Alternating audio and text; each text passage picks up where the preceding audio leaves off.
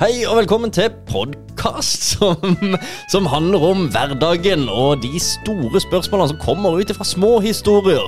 Eh, Her har vi med oss Alf og meg sjøl, Christian. Og eh, ja, vi kan vel egentlig bare kjøre i gang episoden. Det blir gøy. Ja, hei og velkommen til ny pod.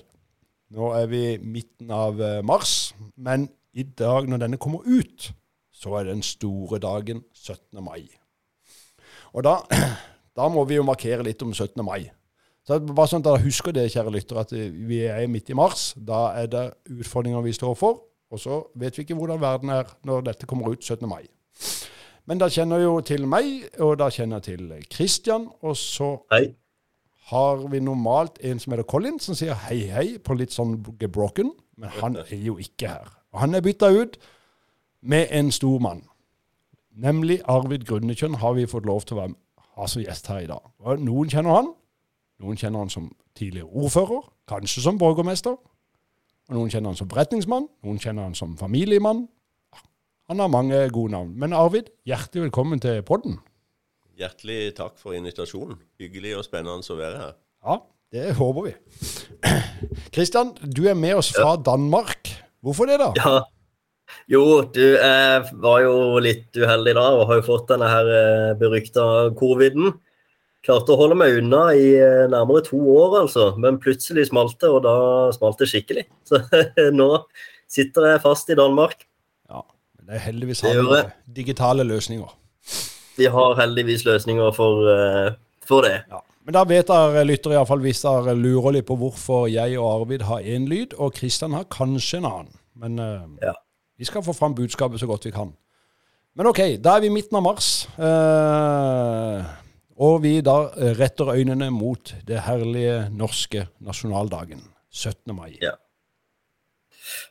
Akkurat i dag så er det jo sol, og en fornemmer jo litt sånn våren eh, på gang. Så det er ikke helt sånn fjernt med 17. mai. Nei, du Og kunne- litt sånn 17. mai-følelse hvis du velger å være litt optimist, ekstra optimistisk. Du hadde ikke reagert helt om jeg kom med ei wienerpølse og eh, en kronesis?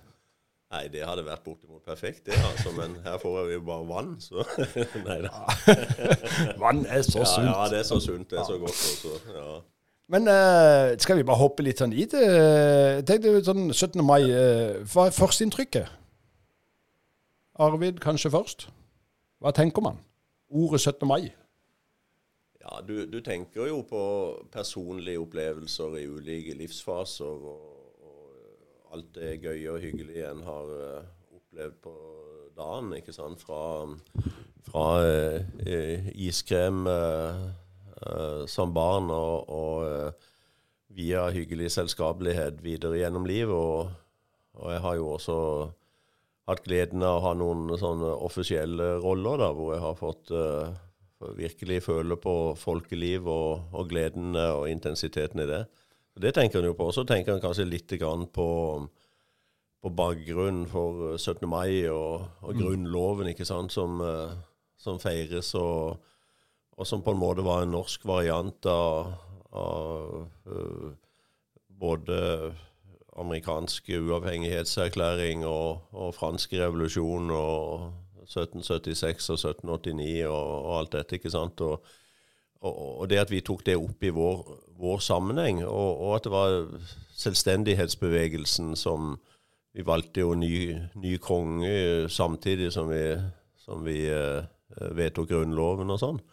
Så det er jo det er både det personlige og festlige, og så er det jo litt mer eh, Skal vi si hva 17. mai betydde i en kanskje litt mer sånn politisk eh, fundamental eh, forstand. da. Den er jo, er jo Den er jo kjempeviktig, egentlig. Jeg, jeg syns jo Jeg vet ikke om vi skal gå rett i det, da, men nå sitter vi jo og ser hva som skjer med Russland og Ukraina, og, og, og det er nærme nå. Og da Jeg vet ikke. Jeg fikk litt sånn der eh, følelse av at eh, kanskje en skal mimre litt om hva den der eh, nasjonaldagen faktisk er. Jeg tenkte litt på det.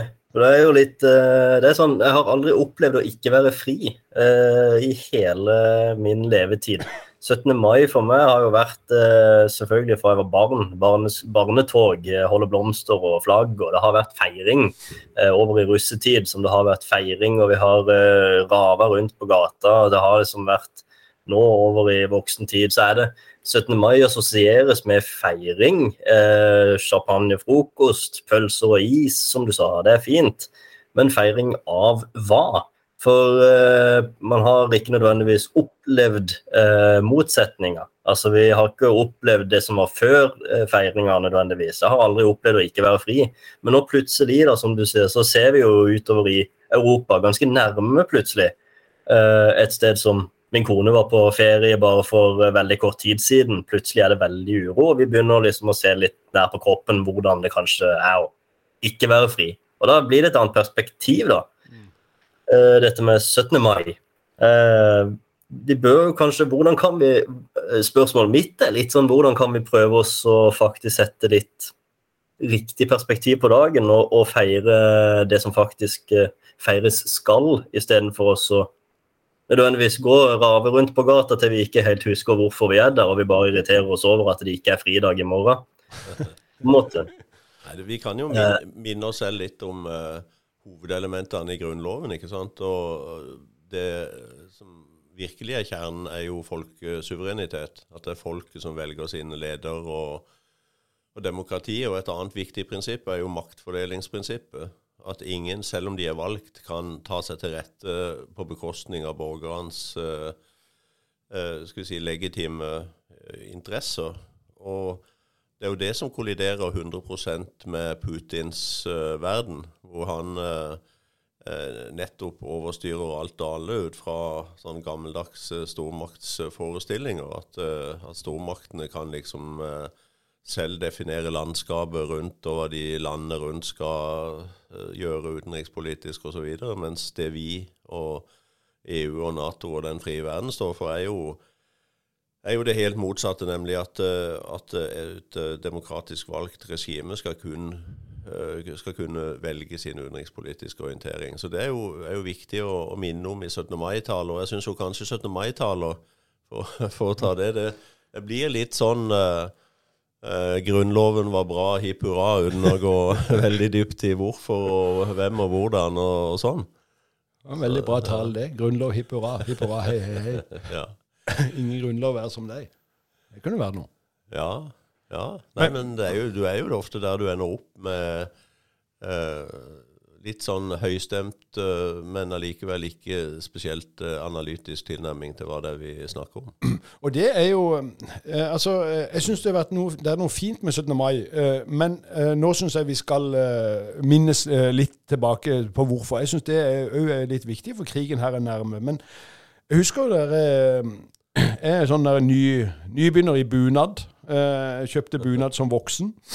Og det, var, det er jo en nasjonal ting. Eh, og så var det fire år siden eh, jeg kom i den bunaden. Tre år siden. For første gang. Stolt som en veldig hane. Og så Det slo meg bare litt på det var litt, egentlig litt hvordan viktig det her er, for oss nordmenn, eller hvor annerledes det er. For da gikk jeg nedover her i, i, med fiskebrygga i Kristiansand. Og så da, Der kommer det mye cruisebåter. Og så kom disse cruiseturistene inn, og så så de meg i bunad. Um, og så bli, uh, blir jeg en sånn der Jeg følte jeg sånn, var en sånn der uh, maskot i Lillehammer-OL. Uh, Alle skulle ta bilder med i et eller annet slag. Ja. Og jeg var jo sånn egentlig veldig stolt av denne drakta, men jeg lurer på om de satt på cruisebåten etterpå og humra litt av han der rare som ble brunt i de vadmelsgreiene. Eller om de syns det er vakkert. Vi er jo veldig stolte av denne dagen, så jeg håper fremdeles vi kan være det. Og det syns jeg er fascinerende at vi har vært i 200 år. Til å være frie så lenge, da. I 80-90 år som vi har vært frie nå. Men uh, jeg er enig med, med Arvid og dine, Kristian, at jeg syns vi skal få fram litt hvorfor. Men hvordan skal vi få det til, da? Jeg tenkte på det, hva kan vi gjøre? Vi har jo, eh, for Det er jo blitt litt sånn altså det, det, som er i det offentlige, det er fint. Da er det taler rundt omkring, det er bekransninger og ting. Det er jo egentlig tilrettelagt for at vi skal kunne ja, i hvert fall minnes hva som er årsaken til 17. mai.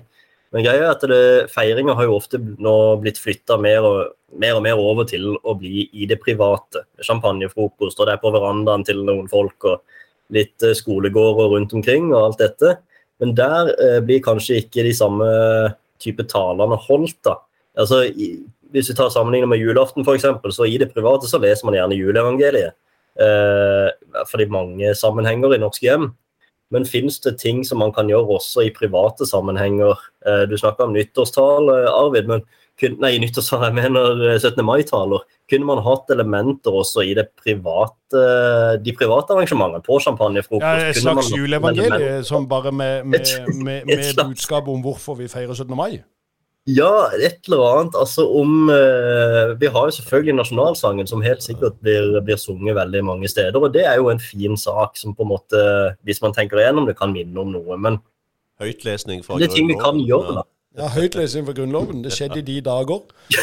Ja. Men når du talte da, som ordfører, eh, Arvid, eh, er det, er det helt fritt hva du skal si, da? Ja, det, det, er en personlig sak hvilket budskap du ønsker å dele. Men ja. Eh, det er klart du, du føler jo på at, eh, at, du skal løfte frem det som, som, har med 17. mai og historien og Grunnloven å gjøre. og sånn. Og jeg synes jo det, Noen taler var sterkere enn andre. altså for eksempel, uh, så talte jeg jo på arkiv, og da var det jo fremdeles en del veteraner til stede som virkelig hadde følt på kroppen hva det betydde å kjempe for frihet og, og selvstendighet. Så, så, da får du en intensitet i markeringen, og, og det blir, det blir uh, flott. Uh, på Torvet så er det jo en helt annen type følelse. altså den største opplevelsen på Torvet var vel kanskje grunnlovsjubileet i 2014, 200-årsjubileet. Da, ja. da var det jo rapportert flere mennesker på Torvet enn enn noen, noen, gang, så vidt jeg husker Fevens oppsummering. Å stå der og se utover det folkehavet og den entusiasmen og Det var jo fantastisk. Da følte du jo at det var jo eh, levende eh, engasjement da, for, for, 17. mai. Og så vet du at det er jo tusen nyanser i den eh, eh folkemengden. Men de var der allikevel? De var der og, og, støttet opp. Og det var, jo, det var jo alle skolene og alle foreldrene og, og, og, alle som kunne krype og gå i byen. Så, så, det at du samles, og samholdsbiten av 17. mai er jo veldig viktig. At du, du virkelig ser at ikke bare du og de du kjenner, men, eh, mm. men alle i hele byen og, hele landet er ute med, med, flagg og entusiasme. Så det er jo det er jo sterkt. Jeg tror Når det gjelder dybdeforståelsen av 17. mai, så er det ikke en sånn endagsgreie. Jeg tror å forbedre taler og, hva det er, det er sikkert et potensial der. Men det går jo mer på at vi passer på i skolesystem og, og i hjemmen og alt det der. og og minne om våre verdier, kontra f.eks. det som vi ser utfolde seg nå i, i Putin-Russland. ikke sant? Og si det at vi, vi har et fundament som er helt annerledes, og det er verdt å kjempe for uh, de vestlige verdier og sånn. Og, og, at en kanskje prøver uh, som voksne, ikke minst, å, å innvie de yngre i, i, hva som er verdigrunnlaget vårt. Det blir jo litt mye sånn fjas og overfladiskhet kanskje ofte. og av og til bør en nok finne rom for å, gå litt dypere i fundamentet for samfunnet. Kan dette være noe politikere nå altså For nå har vi jo alltid hatt den der saken at det ene partiet de er for privatskoler, og de andre de er ikke. Og så har vi andre, noen er for utbygging. Altså litt sånn, Det er jo materielle ting, men det er jo selvfølgelig et politisk syn. men det er jo politiske syn også på hva vi mener om Nato f.eks. Og, og frie Altså, det er jo ting som kan være viktig for dagens eh, ja, også, men eh, de unge å sette seg litt inn i når de nå skal begynne å stemme. Kan, vi, kan det være liksom at politikken kanskje endrer eh, litt fokus pga. det som skjer nå? Da tenker jeg på det i Ukraina, da, ikke egentlig 17. mai. for det ja, det ser du jo til de grader. Altså, jeg så eh, Hvis vi tar det helt øyeblikksaktuelle, altså på diskusjonen i, i Reichstag i, i Tyskland, hvor de har jo vært uh, forsiktige hele etterkrigstiden med uh, opprusting og våpen og lav profil og i lys av historien og krigen og alt det der. Men plutselig så var det jo uh, overveldende flertall som, som, bare sa at vi, vi, skal over disse to prosentene av BNP i, i forsvarsbudsjett. Og vi, vi må, må si, investere i friheten vår. Og, så det kom jo for fullt. Og i, i Sverige så kom jo debatten om mulig Nato-medlemskap. Det er ikke avklart enda, men den kom jo for fullt. Finland ser jo ut til å ha et flertall i retning av Nato. og til og med SV, som ble grunnlagt ja. på Nato-motstand, har jo nå tatt opp diskusjonen om de skal se på Nato. Så, så det kan du si er jo 17. mai i praksis. Altså hva mm. betyr det i praksis å kjempe for, uh, for våre idealer og, og sikre de, de, idealene? Ja, men det er jo litt fint. Det er jo noe på dagsorden som på det.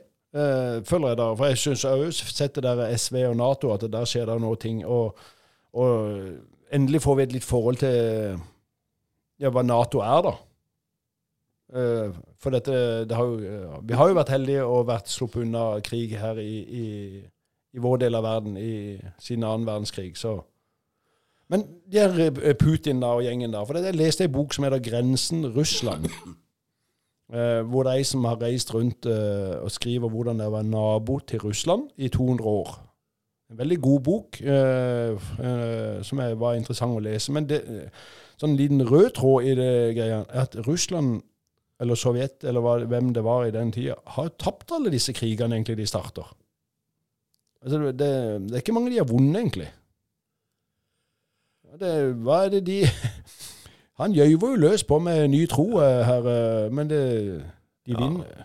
Ja, du kan si de, eh, de vant jo freden etter verdenskrigen, hvor de altså fikk lagt hele Øst-Europa under seg på basis av Jalta-konferansen, og fikk jo hele det som som het Warszawapakten, med Polen og Ungarn og alle de andre store vestlige landene under sin eh,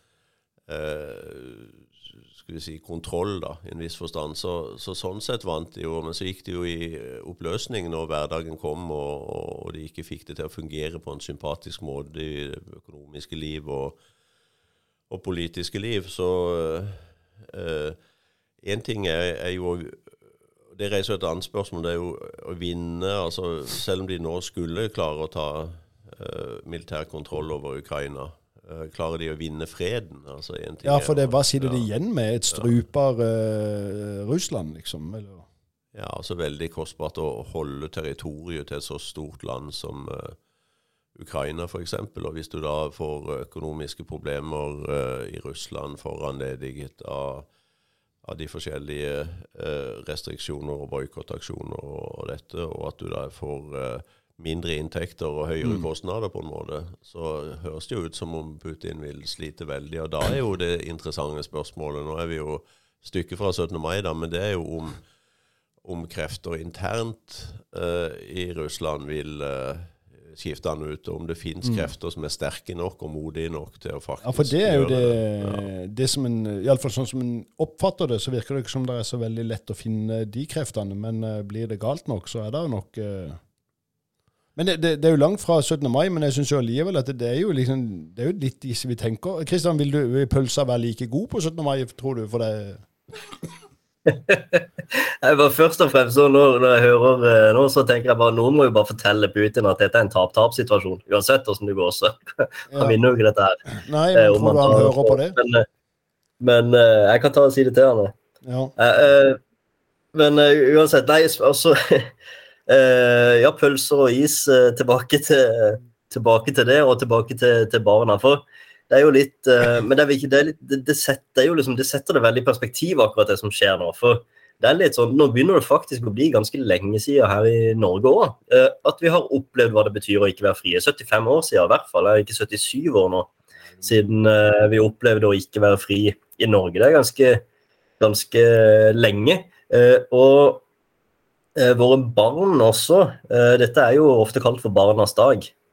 Men hvordan kan vi fortelle dem om eh, hva det egentlig faktisk betyr, da?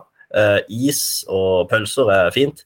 Eh, apropos det, så har jeg også litt lyst til å spørre etter hvert hva rekorden er på antall pølser og is her, men det kan vi kanskje ta litt sånn så jeg snakker prøve å tenke tilbake. jo alltid på morgenen at man skal ha så veldig mange av de der tingene. Men ja, ja, skal ha mange. Bare... Skal liksom ødelegge oss på, på, best mulig måte. Der, ja, men jeg tror aldri jeg har hatt mer enn to pølser. Bare sånn for å legge det inn, altså. Skal skal vi bare ta, ta den? Ja, ja, ja. Det kan godt det. Det er jo viktig, det, jo, for noen. Det er viktig, det. Ja. Har du noen rekordpølse, Arvid? Nei, der tror jeg nok jeg eh, ikke har så mye å, å slå i bordet med. Men eh, en eh, pølse i løpet av 17. mai, det kan jo være hyggelig. Men akkurat eh, ja, is, der, eh, der er nok heller eh, i uh, elitedivisjonen og- til å slå til. Det kan være veldig, veldig godt. Nei, men det, Ja. det er litt seriøst med, med å få barn til å forstå uh, dette med verdier og sånn. Jeg tenker jo litt på de utfordringer som vi har hatt i Kristiansand. med dette med uh, altså debattklima i byen og, og kaos i bystyret. Og øh, hvor folk kanskje sier ting om hverandre og beskylder hverandre for ting som ikke, viser seg ikke ha et faktagrunnlag. ikke sant? Og det å innprente ungdommen at eh, det med ærlighet og, og redelighet og respekt for andres meninger, altså de basistingene der, det er jo egentlig å forsvare 17. mai-verdiene. Eh, bare på et veldig konkret plan. Så det, det syns jeg jo absolutt er noe vi kan ta fatt i. Men det er jo ganske vanskelig når du begynner helt på toppen i, i USA, verdens mektigste land, ikke sant? hvor du har hatt uh, også utfordringer med det der med, med, med ryddighet og, og, og ærlighet i, i, i kommunikasjon. Ja, så når ido, saker. idolene svikter Ja, ikke sant. At det er jo å forsvare 17. mai i praksis og, og innskjerpe at uh, man skal følge visse regler om, om ærlighet og, og ryddighet og, og sånt. At barn eh, eh, kanskje bli, kan bli forklart det at det kommer løftes litt opp. Og Putin er jo er jo eh, eh, også en mester i indoktrinering og propaganda. og Det er jo en, blant annet en interessant bok eh, av en som heter Rikard Bærug, som eh, heter 'Putins presse', hvor han eh, dokumenterer hvordan propagandaapparatet bygger opp dette bildet rundt Putin. ikke sant? Og, og hvis du ser på eh, den klassiske som beskrev hvordan de rike i Russland er blitt rike, så var hun journalisten Anna Politskovja som, som skrev et jeg tror den heter da på den, Mitt land og verden, eller noe sånt. Men eh, uken etter at den boken kom ut, som fortalte om hvordan altså, folk hadde stjålet nasjonalformuen, så ble jo hun skutt og drept. ikke sant? Og, og, og det er jo så mange journalister og ledere som, som har sagt ting som regimet ikke liker, og som rett og slett er tatt av dagen. Og det å ja, egentlig fortelle også oppvoksende slekt om at eh, det kan koste å, å stå for disse verdiene som ligger i Grunnloven. og Det kan jo være god pedagogikk. Da lir jeg jo straks bedre sørlandske nynne med, de der som blir, kunne bli litt sånn jeg blir, Kunne bli sinna av det her? Det er tryggere. Nei, men, eh, Ja. men eh, jeg har jo barn, eh, ei datter på 17 eh, snart, og eh, ei på 14. Og det, det er jo tema i skolen, denne krigen. De kjører fullt på. så det men det er jo forvinkla litt eh, eh, kanskje mot eh, vår egen grunnlovsdag, som er eh, Jeg vet ikke om de gjør det. Eh, men te krigen er iallfall oppe. Eh, hver dag. Altså i alle temaer. I gymmen òg, tror jeg de har den. Eller 17. mai. Det er jo litt morsomt at det ble 17. mai, fordi Grunnloven ble jo faktisk undertegnet 16. mai. Eh, og så ble den overlevert til kongen 17. mai. Eh, men var det noe spesielt? Men så ble den for, altså fikk seil, som jo var at gyldighetsstempelet, den 18. mai. Så det ville vært like naturlig å velge 16. eller 18. som akkurat 17., men nå har vi liksom bestemt oss for 17. Da. Det var vel sånn den gangen at det var på en lørdag, var det ikke det? Så da tar vi det. At, Ja. nei, nei. den der, eh, det regla 16-18 bare tall. 17 best i alle fall. Det var kanskje de Ja, hadde den kanskje det der. den kom Ja, ja, ja. Ja, men det er kanskje derfor eh, russen de eh, har gjort sin historie. De feirer alle tre dagene, for sikkerhets skyld. ja, ja. Eller kanskje gaten. Ja. Og det er vel ikke bare russen heller. Nei, det, det er jo kanskje oss, oss alle sammen. Men jeg husker eh, fra når, eh, når du var eh, ordfører, Arvid. For det, jeg husker når dere gikk i tog. Og det, nå, nå har jo jeg kjent deg litt eh, businessmessig, men eh, når du da hadde den eh, formelle rollen, så husker jeg det var det, Og det er lenge siden nå, og det er noe jeg la merke til. Når du gikk i da dette toget Du så stolt ut. Ja, nei, altså eh, Absolutt, jeg var jo stolt også. Og så syns jeg det var jo gøy å, å være med på å, fronte både 17. mai og andre festlige anledninger i byen. Så jeg fikk jo mye kritikk for at jeg gikk en del med flosshatt, f.eks. Men jeg tenkte på at eh, når, når, du skal være en sånn frontfigur for byen, så barn og, og ja, unge særlig kanskje, de syns jo det er litt artigere at det kommer en fyr i flosshatt enn en grå kar i, i, i grå dress. Ja, flosshatt er for. Ja, så, og en ordfører har jo en dobbeltrolle. Det er jo både å være altså, politisk leder og holde i de tingene der, men det er jo også å, å være en representasjonsperson for byen. Du skal være med og markere både fest og sorg, og det å gjøre det på en, på en litt uh, sånn entusiastisk måte, det syns jeg egentlig er ganske ja, det, Den uh, støtter jeg litt. Eh, kunne du tenke deg Kristian, neste jobbmøte å kjøre i flosshatt? Selvfølgelig. Jeg håper ikke du har slutta å gå med flosshatt på 17. mai. Nei, på utvalgte anledninger så hender det fremdeles jeg går med flosshatt, men Veldig tilhenger av det, altså. Ja, men jeg begynte vel egentlig med det da jeg, da jeg ble ordfører, for da satt jeg og definerte litt for meg selv hva jeg hva er oppgaven? Og jeg fant jo det at du fungerte jo mye bedre, særlig i sånne barneforsamlinger og sånn når du kom med flosshatten. Da skjønte jo folk hvem du var, ikke sant? Og en, ikke en eller annen sånn grå fyr som bare kom tusslands. Har du din egen flosshatt? Ja, ja, ja. Hvor får man kjøpt det? Da? Direkte fra Eidsvoll. Um, nei. Ja, hvor selger de ja. flosshatt? Det er jo ikke Dressmann. De har jo ikke nye kolleksjoner med flosshatter. Nei, jeg er ikke sikker på, på hvor i Kristiansand eh, det er. Det var jo i gamle dager når du hadde sånn, eh, sånn skreddermester eh, eh, Andersen, og du hadde han eh, skreddermesteren i, i Bryggebakken, og du hadde litt sånn, så du skulle inn og sy eh, snippkjole, så var, hadde de vel flosshatt på lur òg, men nå er det kanskje litt uh, mer glissent med den type forretninger. jeg vet ikke. Men du får nok fatt i det hvis du er ute etter det. Så ellers så er det vel et par steder i hovedstaden som har et visst utvalg ennå. Ja, eller har vi kanskje en, en liten ny forretningside, Kristian? Kan ikke du Ja. Den offisielle 17. mai-flosshatten. Ja. Altså, jeg tenkte, på, jeg tenkte, på, noe annet egentlig angående din rolle, Kristian. For du er jo den nye mm, digitale mannen. Altså øh, Arvid er litt eldre enn meg igjen, og er eldre enn deg igjen. Også, men, men allikevel, jo yngre man blir i denne verden, jo mer digital er man jo. Men det er jo dere som nå, bortsett fra disse uh, som skyter på bakken, så er det jo plutselig blitt dere som er de nye krigerne. Ja, det, det er jo faktisk uh, Sant. Eh, det er jo Nå er det jo ikke jeg som har hacka meg inn på medier. Eh, ser du blunker, men det går greit. Inne i Russland her, men Men eh, det er jo sant. Det, det, jo, det foregår jo en, en, digital krig. Det er jo, de har jo faktisk erklært Anonymous er det vel som har erklært krig mot russiske statlige medier. Mm. Og har jo faktisk ja, for å belyse Det er jo litt interessant nå.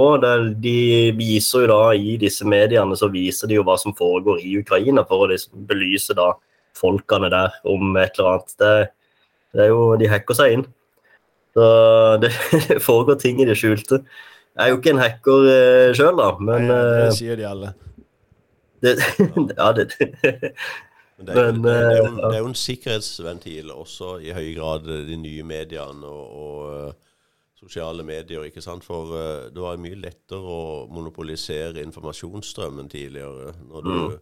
kunne skru av de sentrale kanalene og sånn. Nå, nå, finner man jo alltid uh, en eller annen uh, kilde hvis en da aktivt søker. altså Det er vel et aldersskille, det kan sikkert du mer om det med, men jeg forestiller meg jo at personer som er under 40 år, de finner jo veldig godt frem i hvor informasjonen er tilgjengelig og hvor de skal lete, mens mm. de som er noe eldre enn det, de er, har vel verken kunnskap eller tradisjon for å, å, søke annen informasjon, men så kan du, altså fra andre kilder. Men så kan du si at selv om disse kildene fins, hvis du da får som i Russland sånn 15 års fengsel for å for å benytte de, eller for å formidle informasjon og sånn, så, så, kan du jo med brutalitet og skrekk og gru eh, et stykke på vei drepe også sosiale medier og sånn, men, men, ikke fullt ut. Sånn det, du representerer jo en bransje som, som, for å knytte til Grunnloven igjen, som kan, har godt potensial for å hjelpe og beskytte eh, Grunnlovens informasjonsbehov, uh, uh, da. Ja. Ja, du var jo inne på det i stad, dette her med hvordan vi skal belære barn eh, gjennom å være gode forbilder. For det har jo vært en ukultur i byen, og sosiale medier har jo dessverre vært et sted for, å, eh, for voksne mennesker mobber eh, og erter og kaller hverandre dust. Det virker det, det, høres, det er jo helt absurd å være på sidelinja og se på, men det er jo klart eh, sånne ting eh, det er jo ikke helt, eh, det er jo ikke helt bra vi må, vi, må, vi må, jo slutte å oppføre oss som barn sjøl, og så begynne å reflektere litt over hva vi faktisk er inne i, hva vi, hva vi faktisk har, og så belære barn på. Eller slutte å oppføre oss som voksne og begynne å oppføre oss som barn. Ja, nei, ja vi må egentlig det. Uh, og, og, liksom lære barn om at ja, Norge har bursdag, og vi er heldige, og alt sammen, istedenfor å begynne å snakke, snakke dust, holdt jeg på å si. Men eh, da, vi er jo altså eh, ja, Jeg syns jo dette er viktig, og jeg håper at eh, skolefokuset tar det veldig. Men jeg håper også at vi kan ta og vinkle det mot 17. mai. For det, jeg syns fremdeles vi skal spise pølser og gå rundt i bunad og være stolte av denne dagen. Men vi bør bare vite litt mer hvorfor, for det er ingen selvfølge. Ja, men kunne vi Er det liksom Apropos det. Uh, dette med, for jeg har litt lyst til uh, det når en har private sammenhenger. så Finnes det gode eh, ting man kan gjøre? Hva, hva, kan man gjøre på 17. mai? Det er mye bekransninger rundt omkring. Det er, mange, det er sikkert noen konserter, litt taler, det er muligens noen som står på en fast plass og synger a cappella. Jeg vet ikke. Hvilke ting er det vi har i Nå er det jo Kristiansand som er mest nærliggende for oss. da. Hva er det vi kan finne på for oss å sette pris på den dagen, og kanskje få et perspektiv som forteller oss litt mer hva det faktisk, hva det faktisk innebærer? Ja, nei, det, det, er vel veldig opp til det private initiativ. Det er jo uh, enkeltmennesker som må ta fatt i det og, og ønsker å, å, bringe litt alvorlige tanker inn i festlig lag også. Og, men jeg vet ikke det Kan vi gå et sted, f.eks.? Kan man gå til bekransning av Camilla Collett, eller er det et sted på Odderøya hvor man kan dra til som en liten gjeng og på en måte gjøre til en fast ny rutine for å sånn hver 17. Eh, mai klokka halv to, så skal vi gå ja. dit for dette da da får vi høre en historie, eller hva, hva det, Hvilke det, muligheter har vi egentlig nå? Det syns jeg absolutt man, man, eh, kan gjøre. Eh, for min egen del så Fra jeg var eh, barn, så, så var det fast på morgenen på 17. mai at min far tok oss med til bekransningene på Kristiansand kirkegård. hvor det altså gikk den runden. Først så bekranset du eidsvollsmennene, og så var det de som var falne under krigen uh, i Kristiansand. Og så var det utenlandske falne. Og så var det de som, som falt på Odderøya. og da var det jo en, en fin, stor krets som gikk etter et musikkorps fra gravmonument til gravmonument, og, og, det ble holdt små taler og appeller. og, og det var en fast, uh, fast, tradisjon for vår del. Og, og, jeg har jo også tatt med mine barn etter hvert uh, når vi har vært i Kristiansand. da, og, og uh, jeg ser jo at det er jo en stor krets som gjør det enda, men, men allikevel ikke stor i forhold til potensialet. Så kanskje flere burde tenke på å henge seg på noen av disse bekransningene og sånn. Det, det, er jo mye rundt. Det er jo også på arkivet er det viktige bekransninger ikke sant, på dagen. og og en del andre steder i byen. Så det å, å få inn litt sånn alvor i sitt eget uh, private program, det er nok noe som absolutt kan, uh, kan anbefales. Kanskje man skal... Nå har jo vi muligheten. Da. Vi har jo ja. fått, uh, fått ei datter. Hun er ikke blitt et år engang, hun er rett ja. over et halvt år. Så her har vi jo muligheten da, til å lære av dette, og så begynne nye rutiner. Ja, ja. og gå på litt bekranslinger. For jeg tror, jeg tror, det er litt viktig det. Jeg tror På den måten nå så kan vi jo på en måte lære dem hva det handler om. og vite og Fint at hun starter på morgenen med å se litt rundt eh, bekransninger og få litt reflektert. Og så utover dagen så forstår man hva man feirer mm. i større grad. Ja. Vi har et eh, vennepar i Oslo som eh, på toalettet har eh, opphengt eh, alle, Nå har de hatt lenge all verdens land. Unnskyld. Eh, altså, og nå har de hengt opp hvem som styrer her i verden. Så Hver gang de er på do, eh, så, lærer de lite grann. Og det har vi jo ledd litt av, men eh, det er jo egentlig litt eh, fascinerende. Men kanskje vi, da, med vår lille eh, se, lytterskare kan oppfordre folk til å kanskje ha 17. mai-programmet faktisk framme på do. Og, for det er jo ganske likt år etter år, sånn cirka. Det er forskjellige folk. Men temaet er vel relativt likt, er det ikke det, Arvid? Jo, altså de, de steder hvor det skal finne sted bekransninger, er jo nokså likt fra, fra, år til år. Så det, det ligger fast. Og så er det også sånn liten morsomhet. Det er jo alle som har holdt sånn taler i løpet av dagen på, ved bekransninger og på torv og, det, og, og, og 17. mai-komiteen, har en sånn stor middag på Ernst. Det er noe som vi har holdt på med i årevis um, for å, å, runde av dagen og, ja. og sånn. Um, og der har menyen vært uh, uh, laks og jordbær i uminnelige tider. Uh, laks og jordbær sammen? Ja, altså laks til hovedrett og jordbær til dessert. Ja, ja, det var ellers var det noe spill nytt her. ja da. Nei, og så eh, Et år da jeg var ordfører, så ble min kone spurt av 17. mai-komiteen om å holde Takk for maten-talen. Og da gikk jo hun ut fra at det var laks og jordbær som det hadde vært de siste 100 eh, år.